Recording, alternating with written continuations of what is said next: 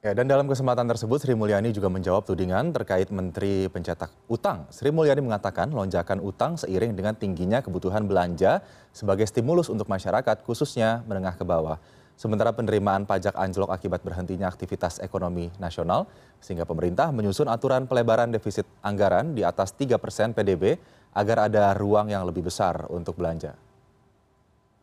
Sebagai bendara negara, tentu kita dihadapkan pada pilihan uh, uang negara atau keuangan negara itu instrumennya, cara ini alat untuk kita mencapai tujuan negara ya.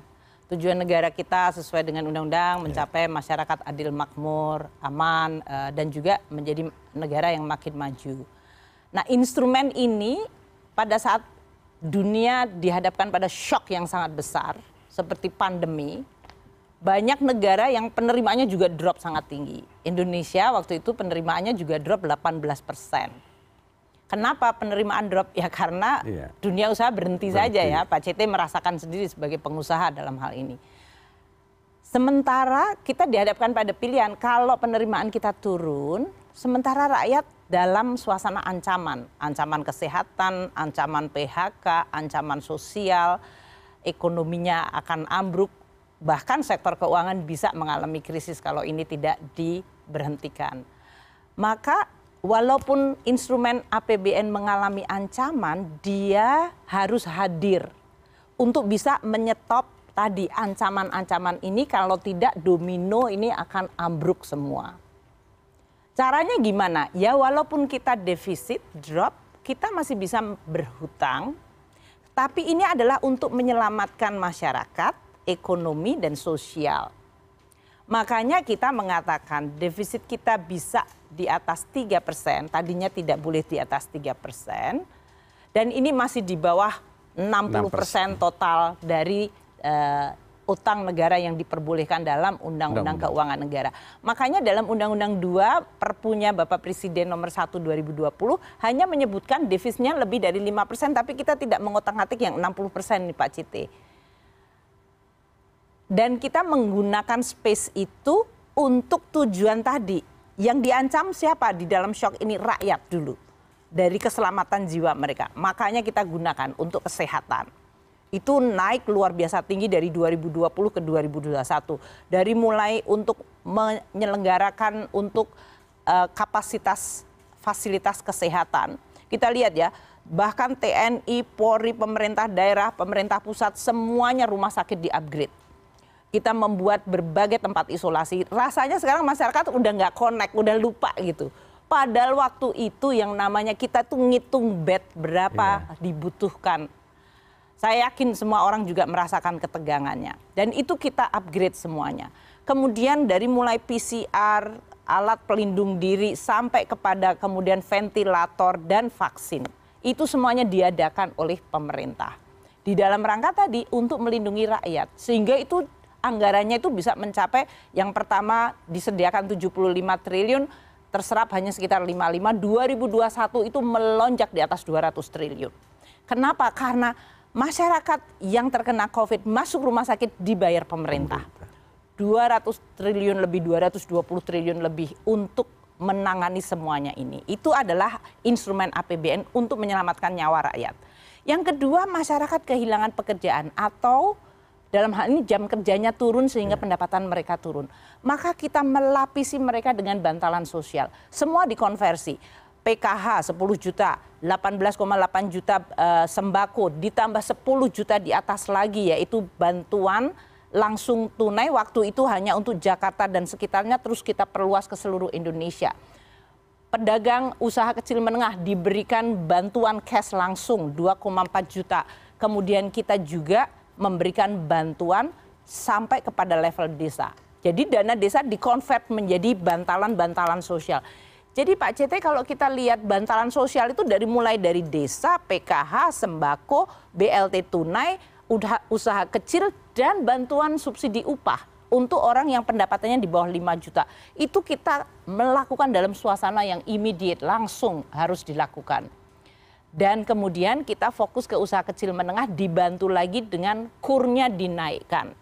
Subsidi bunganya ditambahkan. Sehingga kita meyakinkan bahwa mereka masih memiliki akses kepada capital. Dan bank-bank kita minta melakukan relaksasi dalam hal ini sampai 2023. Nah ini semuanya tujuannya supaya space-nya masyarakat membesar, bantalannya makin kuat, tapi ada biayanya. Biayanya itulah APBN yang disebut defisitnya. Naik dari tadinya tadinya kita pengen 1,76 persen defisitnya. Lonjak jadi 6,1 persen. Kemudian tahun 2021 langsung sudah turun lagi. Kenapa? Karena dengan pemulihan ekonomi penerimaan negara melonjak lagi jadi kalau kita lihat orang mengatakan kenapa utang? Ya karena kita bisa mendapatkan penerimaan waktu ekonomi pulih kembali. Itu yang dipakai untuk membayar kembali utangnya tadi. Jadi kalau kita lihat dari penerimaan negara drop 18 naik lagi sekarang ini tahun lalu di atas 20 eh, persen, tahun ini dua bulan pertama penerimaan kita di atas 30 persen Pak Citi. Jadi ini yang menggambarkan bahwa APBN itu tools pada saat dibutuhkan ya dia harus kerja keras. Pada saat dia kemudian sudah mulai bisa sehat, dia harus menyehatkan diri.